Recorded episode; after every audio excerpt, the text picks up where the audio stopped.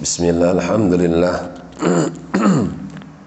Usalli wa usallim ala rasulillah wa ba'd Masih di dalam surah Al-Mu'minun Sampai pada firman Allah Ta'ala Tentang kaum musyrikin Quraisy di mana mereka berat sekali untuk menerima dakwah Muhammad sallallahu alaihi wasallam.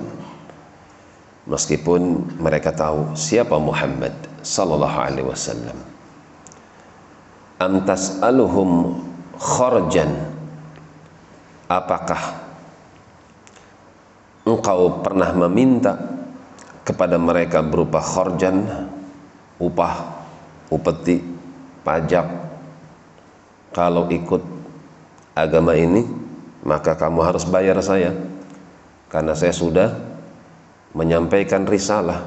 Kan itu kalian harus bayar pajak atau upeti atau bayaran atas dakwah yang aku sampaikan.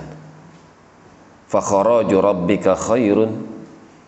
Padahal Muhammad sallallahu alaihi wasallam sungguh sangat yakin upah yang diberikan oleh Tuhannya khairun itu lebih baik daripada dunia beserta isinya wa huwa khairu raziqin. Dan sungguh Allah adalah sebaik-baik pemberi rizki. Ayat ini menegaskan kepada kita akan potret dakwah yang terjadi di masyarakat Mekah ketika itu.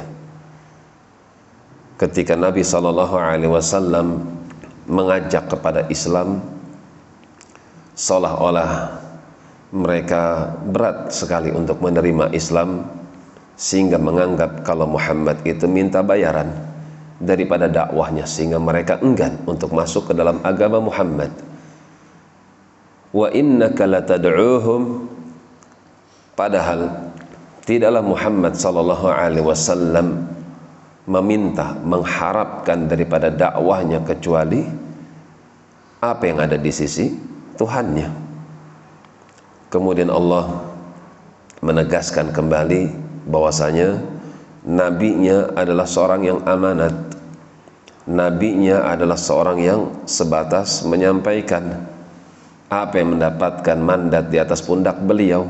Karena itu Allah mengatakan wa innaka latad'uhum ila siratim mustaqim.